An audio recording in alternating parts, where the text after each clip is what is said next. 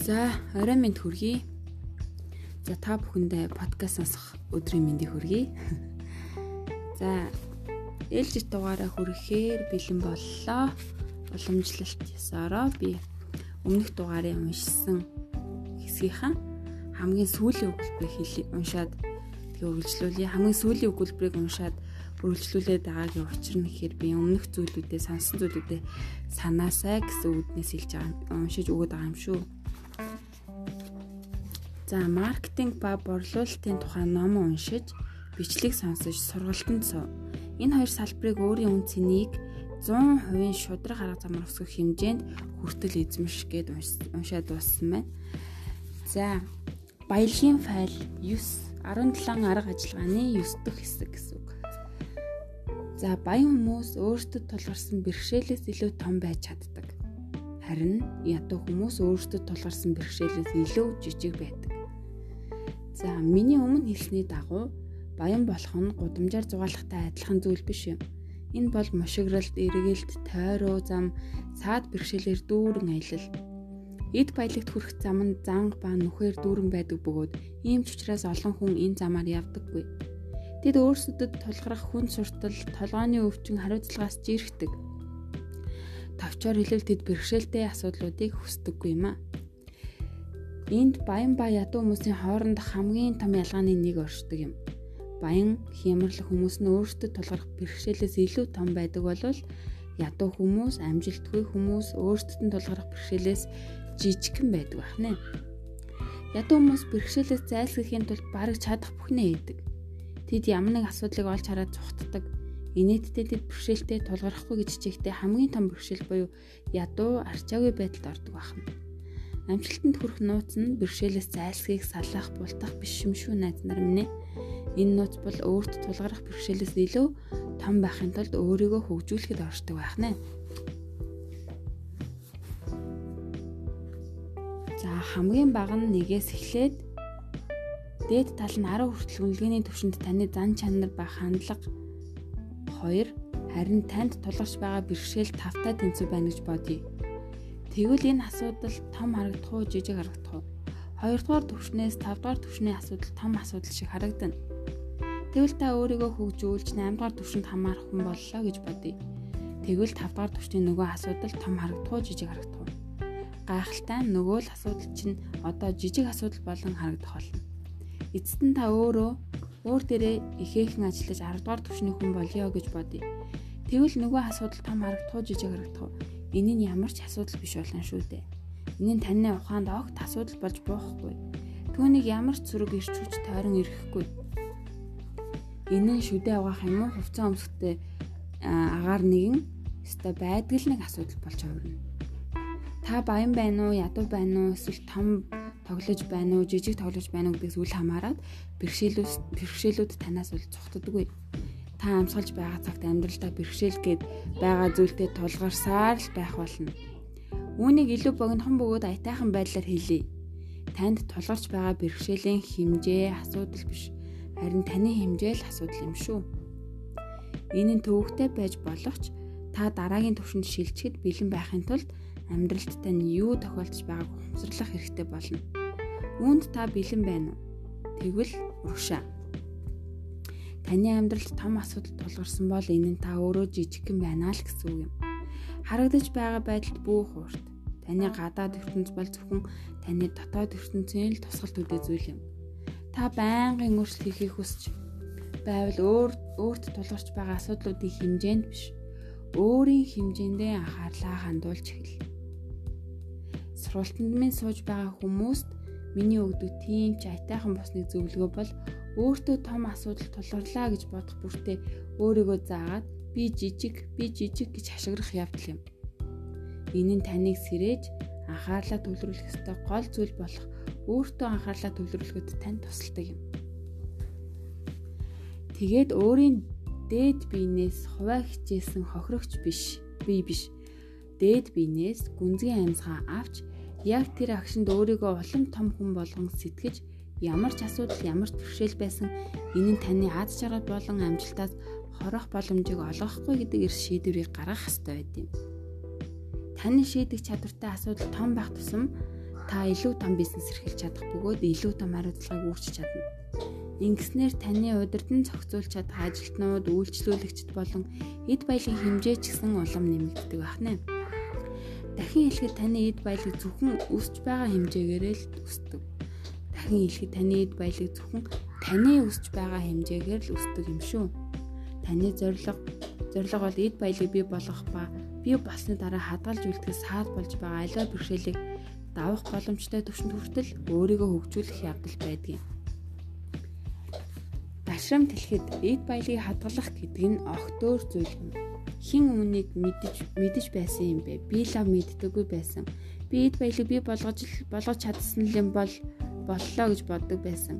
Өөрийн анхны сая долларыг бараг олсон даруйдаа буцаан алдахдаа би гашуун үннийг ойлгосон юм. Одоо өнгөрсөн он асуудал юунд байсныг би ойлгож байгаа. Тэр үед миний багжны хайрцаг миний олсон баялагийг багтаах хэмжээний том бөгөөд бат бөх болоогүй байжээ. Азар би дахин сайтны сэтгүүн зарчмуудыг хэрэглэж өөрийгөө өөрчлөх боломжтой байсан юм. Ингээд би сая доллараа эргүүлэн олж аваад зогсохгүй өөрийн мөнгөний ихтгэл үнэмшлээ өөрчлсөн учраас дахин олон саяыг олсон юм.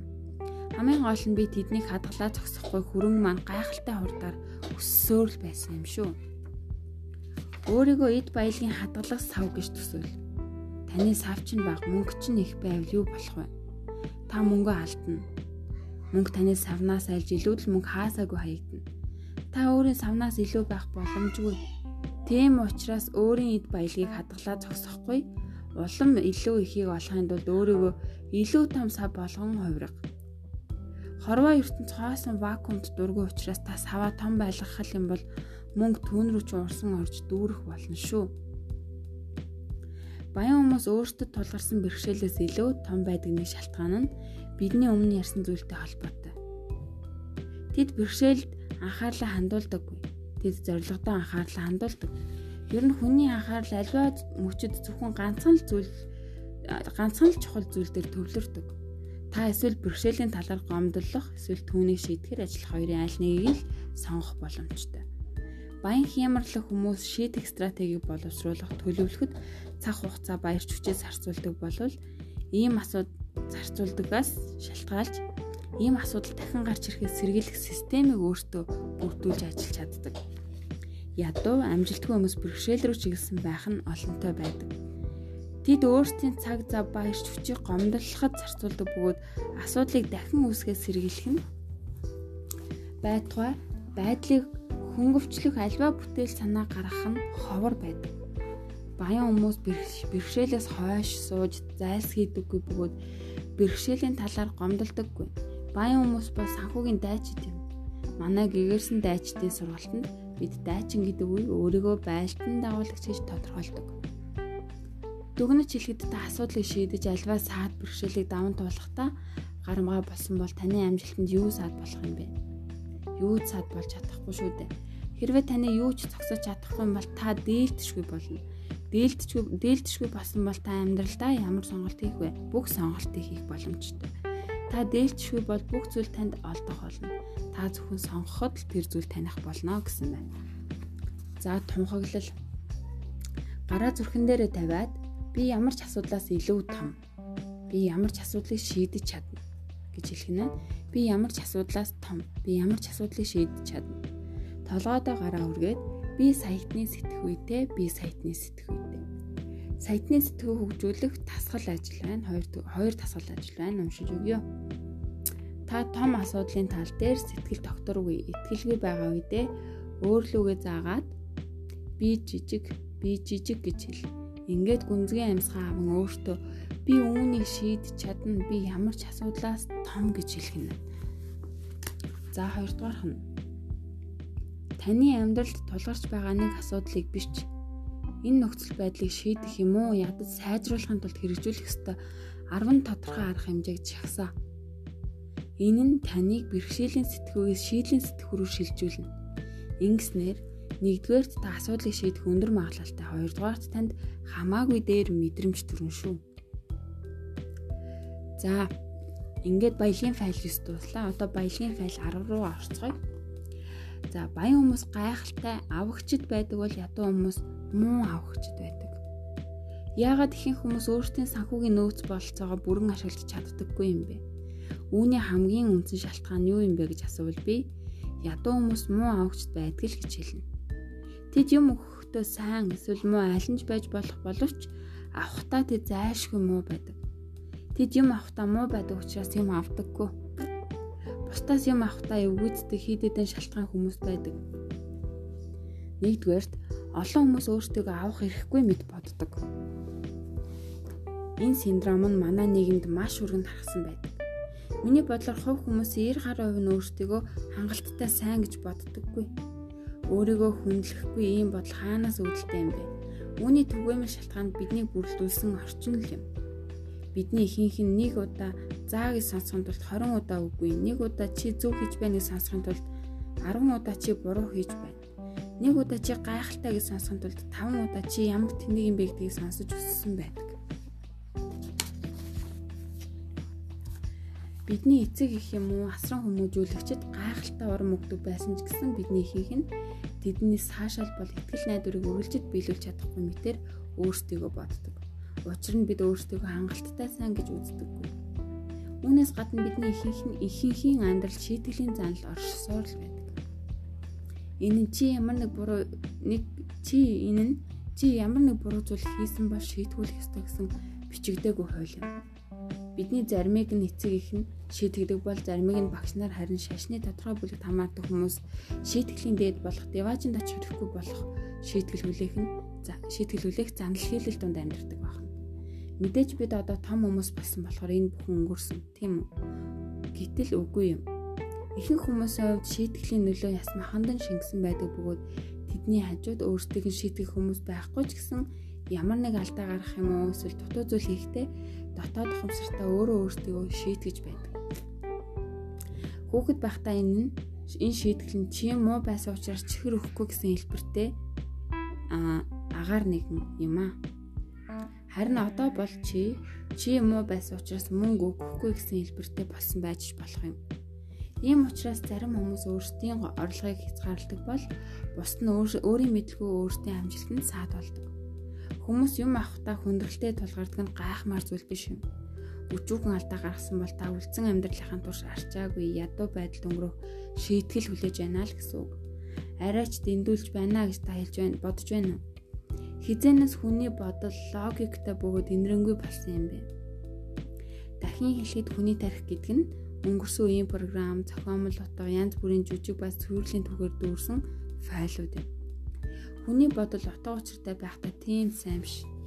Миний семинар дээр заадаг нэг зүйл нь таны сэтгэлийг тайтгаруулж магадгүй. Эцсийн эц та өөрөө юу гэж бодож байгаагаас үл хамааран баян болж болно. Олон баян хүмүүс өөртөө баян болох байх ёстой гэж боддоггүй юм. Үнэн эрэхтэй энэ нь хүмүүсийн баян болох гол үндслүүдийн нэг болдог. Тэд өөрсдийнхөө үн цэнийг өөрсдөддөө болон бусдад батлан харуулахыг хүсдэг. Өмнө нь хэлж байсанчлан өөрийгөө батлан харуулахын тулд баян болно гэдэг таныг ад жаргалтай болгохгүй байж болох учраас та өөр шалтгаанаар баялаг болох, баялаг бий болгосон дээр юм шүү. Гэвч та өөрийгөө үнэлэхгүй байгаа нь баян болоход чинь саад болохгүй гэдгийг ойлгох нь чухал юм. Цэвэр санхүүгийн байр сууриас энэ нь харин ч таныг хөдлөгч хүч болж болно. Би одоо танд чанга бөгөөд тодор хэлхийг хэлхийг минь хүсэж байгаа тэрхүү чухал зүйлээ хэлэх гэж байна. Энэ нь таны амьдралын хамгийн чухал мөчүүдийн нэг болох ч магадлалтай. Та бэлэн байгаа үсттэй тэгвэл урагшаа. Таны хэрэгтэй эсвэл хэрэггүй гэж бодож ярьж байгаа бүхэн бүгд цохиомл яриа юм. Дахин сануулхад ямар ч зүйл бидний дунд түүнд өгч байгаа утга учраас өөр утга учрыг агуулдаггүй. Би таны талаар мэдэхгүй боловч хин нэгэн төрөхдөө дугаарлан тасаж тамга даруулж байсан гэдгийг би л ав сонсоогүй юм байна. Бурхан хүн бүрийг төрөхөд нь духан дээр нь тамга дарж байна гэж та төсөөлж чадах уу? Хэрэгтэй хэрэггүй, хэрэгтэй хэрэггүй энэ бол мэдээж хэрэггүй. Уучлаарай ийм зүйл байдаггүй гэж би бодож байна. Та л үнийг өөрөө хийдэг. Та л үнийг өөрөө зохиодог. Та л үнийг өөрөө шийддэг. Та хэрэгтэй хүн эсгийг ганцхан та л шийднэ. Энэ бол таны ирээдүй. Та өөрийгөө хэрэгтэй гэж хэлж байгаа бол хэрэгтэй. Хэрэггүй гэж хэлж байгаа бол хэрэггүй. Ямар ч тохиолдолд та өөрийн зохиосон түүхээр л амьдрна. Энэ нь маш чухал учраас би давтан хэлхийг хүсэж байна. Та өөрийн зохиосон амьдралаар амьдрна. Та өөрийн зохиосон амьдралаар амьдрна. За. Тэгвэл хүмүүс яагаад өөрсдийгөө үнэлдэггүй юм бэ? Тэд яагаад өөрсдийгөө хэрэггүй хүн болгох түүх зохиогоод байна вэ? Энэ бол хүний зан чанар буюу өргөлж буруу зүйлийг хайж байдаг бидний хамгаалалтын хэсэг юм. Хэрэг хэрэм энэ бүхэнд санаа огт зовдөггүй болохыг хизээ нэгэн цагт та ажиглаж байсан уу? Хэрэм би чадваргүй учраас энэ жил өвлийн бэлтгэл зориулж их самар хороож чадахгүй байх гэж хэлж байна гэд төсөөлдөө. Энэ сэтгэхүйн чадвар муутай амьтан өөрийгөө ингэж голох нь эргэлзээтэй шүү дээ. Харин энэ ертөнцийн дээр хамгийн төгөлдөр хөгжсөн амьтан болох хүн л өөрийгөө ингэж голох чадвартай байдаг юм. Миний байн хальтыг нэг үг бол 100 футын хэмжээтэй царс модонд хүний оюун ухаан байсан бол Тэр 100 фунт биш зөвхөн 10 фунт болтлоо л ургах байсан. Тэгвэл би өөрийн саналаа хэлье. Та өөрийн чадварыг өөрчилснөөрөө өөрийн зохиосон түүхийг ч өөрчлөх өөрчлөх нь хамаагүй хэлбэрхэн учраас чадварыг өөрчлөх тухай бодохын оронд түүхээ л өөрчил. Энэ нь хамаагүй түргэн бөгөөд илүү хямд тусдаг. Зүгээр л шинээр хамаагүй илүү эргэтэй зүйлийг эргэтэй түүхийг зохиогоод түүхээрээ амьдрал та. Та өө би ингэж чадахгүй би өөрийгөө чадвартай гэдэг шийдэх боломжгүй үүнийг өөр хин нэгэн шийдэх ёстой гэж хэлэх гээд байна уу уучлаарай энэ бол яг тийм биш та шин түүхтэд итгэж түүнийг л хэрэгжүүлэхийн төлөө явах. Үед хин нэгэн юу гэж хэлж байгаа бол урд нь юу гэж хэлсэн нь ямар ч хамаагүй болно. Үүнийг танаас өөр хэн ч хэлж чадахгүй. Гэвч танд амар амар байх үүднээс л тоглоомыг тоглож Би саяны сэтгэхийн семинар суудаг мянган мянганд оролцогчдын төлөө хийдэг зүйлээ таны төлөө биш таныг өөрийн биеэр ажиллаж байна. За баялагын зарчим 100 футын хэмжээтэй цаарс модонд хүний оюун ухаан байсан бол тэр 100 фунт биш зөвхөн 10 фунт болтлоо л урах байсан. За энэ бол тусгай ёслол биш ёслол учраас би таныг яг одоо өөр зүйлд анхаарлаа сарниулахгүй байхыг хүсье юм зажлах, уцаар ярих, ер нь бол хийж байгаа зүйлээ бол хэрвээ хүсэх юм бол эрэгтэйчүүд нь костюм өмсөж зангаа зүүж болно. Эмэгтэйчүүд аль биесны хорийн даашнд болон өсгөтэй хулмсг нь төгс сонголт болно. Танд гоёлын юм уу шинэ хавц байхгүй бол энэ нь өөртөө дизайнерын цоошин хавц авах тохиромжтой үе юм шүү. Та бэлэн болсон бол эхлэе. Нэг өвдөг дээрээ сөгдөн суугаад толгоогоо хүндэтгэлтэйгээр гудаалга. Бэлэн үү? За урагшаа. Надад өгсөн эрх мэдлийн дагуу би таныг одооноос эхлэн үргэлж чадвартай болгон ажиллаж байна. За би дуусчихлаа. Та одоо босож зогсоод одооноос эхлэн хэрэгтэй хүн болсон учраас толгоо өндөрт өргөж яваарай. Нэгэн ухаалаг зөвлөгөөгүй. Чадвартай, чадваргүй гэсэн тэнэг зүйлд итгэхээ болж баян болоход шаардлагатай арга хэмжээнүүдийг өөртөө хэрэгжүүлж эхлээрэй.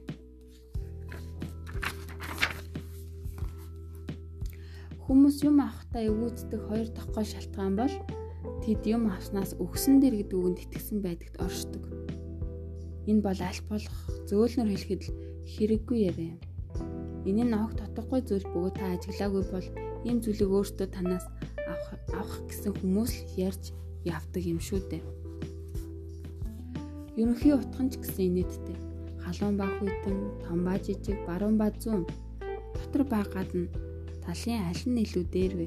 Өгөх ба авах хоёрын хоёр нь нэг зүйлийн хоёр тал юм. Бусдаас авснаас өснө илүү дээр гэж бодож байгаа хүн математиктаа муу байна гэсэн үг. Өг өгч байгаа хүн бүрийн цаана авч байгаа хүн байдаг. Авч байгаа хүн бүрийн цаана өгч байгаа хүн байдаг. Бодоод үзэлтэй. Хүлээн авах хүн байхгүй бол та яаж өгч чадах юм бэ? Энэ хоёр хоёр нь 50 50% төгс тэнцвэртэй хэмжээгээр харилцан ажиллаж байх ёстой. Өгөх ба авах үйлдэлүүд үргэлж нэг нэгнтэйгээ тэнцүү байдаг учраас хоёулаа ижил ач холбогдолтой байх ёстой. Үүнээс гадна бусдад өгөх нь ямар байдаг вэ? Бидний ихэнх нь хүнд юм өгөх нь гайхалтай сэтгэл ханамжтай зүйл гэдгийг зөвшөөрөх байх. Үүний эсрэгээр та өгөхийг хүсэж байгаа боловч нөгөө хүн авахыг авахыг хүсэхгүй байгаа бол яах вэ? Бидний ихэнх нь энэ аимшигтай зүйлүүдэд зөвшөөрөх байх. Иймээс үүнийг ойлго. Та авахыг хүсэхгүй байгаа бол танд өгөхийг хүсэж байгаа хүнийг тастан хайж байна л гэсэн үг. Та тэдэнд юм өгснөөрөө баяр баясгалан ба сэтгэл ханамж авах боломж олохоос татгалзаж тэднийг сэтгэл дундуур байхад хүргэдэг. Яагаад? Дахин хэлэхэд бүх зүйл эрч хүч энерги гэж байдаг бөгөөд та ямар нэг зүйл өгөхийг хүсэх боловч чадахгүй байгаа бол энэ нь эрч хүч илэрч чадахгүй таны дотор гацдаг. Энэ гацсан эрч хүч нь сөрөг сэтгэлийн хөдөлгөөн болон хуурдаг. Үүнээс гадна таливаа зүйлийг бүрэн хүлээн авахаас татгалцсанараа хорвоо ертөнцийг танд өгөхгүй байхад сургаж байна л гэсэн үг. Энэ бол их энгийн зүйл. Та өөрийн хувийг авахыг хүсэхгүй байгаа бол энэ нь өөр хин нэгэнд очно л гэсэн үг шүү дээ. Энэ бол баян хүмүүс болон баяжиж ядуу хүмүүс болон ядуурдаг гол шалтгаануудын л нэг. Энэ бол баян хүмүүс илүү авах ёстой биш харин ядуу хүмүүсийг бодвол илүү авахд бэлэн байдагт оршдог юм шүү. Би үүнийг ойд буудал буудлах үед тохиолдсон нэг том туршлагаараа ойлгосон юм. Би өөрийн 2 өдрийн зугаалгад бэлдэж оромжоо босголоо. Үүний тулд биржээхний дээд талыг модон дууж доод талыг нь газарт бэхлэн унтах үед хамгаалах 45 химийн налуутай дээврийг хийлээ. Тэр шүнжэнгөө бороо орсон учраас би энэ бяцхан байраа бэлдсэндээ баярлаж байв. Би өглөө оромжноос гарч ирэхдээ өөрийгөө болон биржээхийн дор байсан бусад зүйл хичнээн хуурай байгааг анзаарав. Гэтэл энэ үед би биржээхний ёроол маш гүн ус хуримлагдсан болохыг бас анзаарлаа. Гинэт миний дотоод хүн байгаль элбэг дэлбэг боловч ялгуурлаж үздэггүй бороо орсон бол хаа нэгтээ шингээх ёстой. Аль нэг хэсэг хуурай байгаа бол нөгөө хэсэг нь хоёр дахин нойтон болдог гэж хэллээ. Би шалбагны ачуу зогсож байхдаа яг мөнгөтэй ижил болохыг нь ойлгосон юм. Мөнгө хангалттай буюу олон тэрлэнээр хэрэгэлдэж байдаг бөгөөд хаа нэгтээ очих ёстой байдаг. Өөрөөр хэлбэл хин нэгэн хүн түүнийг авах хүсэхгүй бол хүсэж байгаа хүн рүү л явчихдаг борооны төслүүдэд хаашаа орсох нь хамаагүй байдаг. Байдаг шиг мөнгөнд ч гэсэн адил байдаг. Сайтны сэтгхүүн семинарын энэ хэсэгт би биржинхтэй холбоотой үйл явдлын дараагаар зохиосон тусгай залбирлаа заадаг. Мэдээж энэ баг зэрэг шок аястай боловч утхан тодорхой. Энэ бол хорвоо минь хин нэгэн өөрт нь ирсэн зүйлийг авахгүй бол над руу явуулж байгаа ч би бол нээлттэй бөгөөд таны өгсөн бүх буйны хүлээн авахд бэлэн шүү баярлалаа гэж залбирдаг. Би бүх сонсогчдоор намайг дуурайн үүнийг хэлвэлгэхэд сэтгэл нь хөөрцгдөг юм. Юм авахд бэлэн байгаагаа мэдрэх нь гайхалтай байдаг учраас тэд сэтгэл нь хөөрдөг бөгөөд үүнийг хийхэд хүчлэг шаардлагагүй байдаг учраас тааламжтай байдаг. Үүний эсрэгээр хийж байгаа аливаа зүйл нь та болон өөр хин нэгэнд ямар ч хэрэггүй зохиомл зүйл гэдгийг дахин сануулад өгье баян хүмүүс шаргуу хөдөлмөрлөдөг бөгөөд өөрсдийн хүчин чармайл болон бусад хүмүүст өгсөн үнэт зүйлсийн үр шимийг хүртэх нь зайлшгүй гэдэгт итгэлтэй байдаг. Ядуу хүмүүс шаргуу хөдөлмөрлөдөг боловч өөрсдөө үнэлтэггүйгээсээ болж өөрсдийн хүчин чармайл ба бусад хүмүүст өгсөн үнэт шимийг хүртэх нь зайлшгүй гэдэгт итгэж чаддаггүй байх нэ. Энэ итгэл үнэмшил нь тэднийг төгс хохирогч болгодог бөгөөд уг нь өөрийн хөдөлмөрийн үр шимийг хүртсэн байсан бол юу гэж хохирогч болох билээ дээ. Олон олон ядуу хүмүүс өөрсдөө ядуу учраас илүү сайн хүмүүс гэж итгэдэг. Тэгээд яагаад ч юм бэ өөрсдөө илүү сүсгтэй, оюунлаг эсвэл сайн гэж боддог. Энэ бол шаал дэмий зүйл. Ядуу хүмүүсийн ялгарах ганц зүйл нь тэдний ядуу байдал юм сургалтын үеэр нэгэн эрэгтэй хүн надад над дээр иргэд бусад хүмүүс ийм бага бага мөнгөтэй байхад би яаж ийм их мөнгөтэй сэтгэл хангалуун байж чадах юм бэ гэлээ. Би түнд та ядуу байснараа тэдэнд ямар тус үзүүлж байгаа юм бэ? Та ядуу байснараа ер нь хүнд тусалж чадах юм? Та зөвхөн бас нэг хоолны савны хил нэмэр болж байгаа юм шүү гэж хэлсэн. Тэр биш үү гэж асуусан юм. Тэрээр би амьдралд анх удаа үүнийг ойлголоо. Би ямар тэнийг зүйл боддог байсанд итгэж чадахгүй байна харав. Би баяжиж бусдад туслах цаг нь болжээ гэж бодож байна. Танд баярлалаа гэж хэлсэн юм. Тэр өөрийн суудлал руу буцахдаа шинэ хүн болсон юм. Саяхан би түүнээс нэг имэйл хүлээн авсан бөгөөд тэр урдын олдог байсан мөнгнөөс 10 дахин их орлого олдог болж гайхалтай сайхан байгаа тухайга надад мэдэгдсэн. Тэр хэлэхдээ хамгийн гол нь урдын адил завсаар байгаа өөрийн найз нөхөд болон гэр бүлийнхэндээ туслах чадвартай байх нь маш их сайхан санагдаж байна гэж тэр бичсэн байлаа. Энэ нь надад нэг чухал зүйлийг сануулдаг. Та их хэмжээний мөнгө олох боломжтой бол түүнийгээ ашигла. Яагаад учир нь бид дэлхийн бусад хэсгүүд эсгүүдтэй харьцуулахад бараг хүн болгон баяцсан энэ нийгэмд амьдарч байгаа нь маш хаттай гэдэг нь үнэн юм. Зарим хүмүүст их хэмжээний мөнгөтэй болох боломж хизээж олддоггүй. Та ийм чадвартай мөн азтай хүмүүсийн нэг мөн бол өөрийн боломжийг тохирох зүйлд нь ашиглаарай. Хүн бүрт ийм чадвар байдаг бөгөөд хэрвээ тийм биш байсан бол ийм ном уншиж байх ёсгүй байсан юм. Жинхэнэ баян болж танд олцсон боломжийг олж чадахгүй байгаа бусад хүмүүс туслаарай. Энэ нь ядуу хിവэр байж хүнд ч тусалж чадахгүй байснаас хамаагүй л утга учиртай гэж би бодож байна. Мэдээж мөнгө намайг өөрчлөн би баян болчих юм ба шуналтай нэгэн болж хувирна хуурч магадгүй гэж хэлэх хүмүүс байгаа. Нэгдүгээрт үүнийг зөвхөн ядуу хүмүүс л хэлдэг юм. Энэ бол зүгээр л өөрсдийн бүтлгүүдлийг зөвтгөх гэсэн нэг л орлого бөгөөд ийм үг тэдний санхүүгийн цэцэрлэгт ургасан дотоод хогийн ургамлуудаас гарч байдаг юм аа. Үүнд бүү итгэрэй гэсэн байна. За хоёрдугаарт би илүү тодорхой хэлье мөнгө таны байгаа байдлыг чинь л илүү тодруулдаг. Та харамж нарийн бол мөнгө танд улам нарийн болох боломж олгодог. Та сайхан сэтгэлтэй бол мөнгө танд улам сайхан сэтгэлтэй болох боломжийг л олгоно Та уг чанартай тэнэг хүн бол мөнгөтэй болсноор улам тэнэг болж болно. Хэрвээ та өгөөмөр хүн бол их мөнгөн танд улам өгөөмөр болох боломжийг олгодог. Үүнээс өөр зүйл танд ярьж байгаа хүн бол өөрөө ятуу хүн юм шүү гинэ. За энэ дугаарын подкаста энэ үргээ дуусгая. За тэгээ дараагийн дугаар хүртлээ түр баяртай.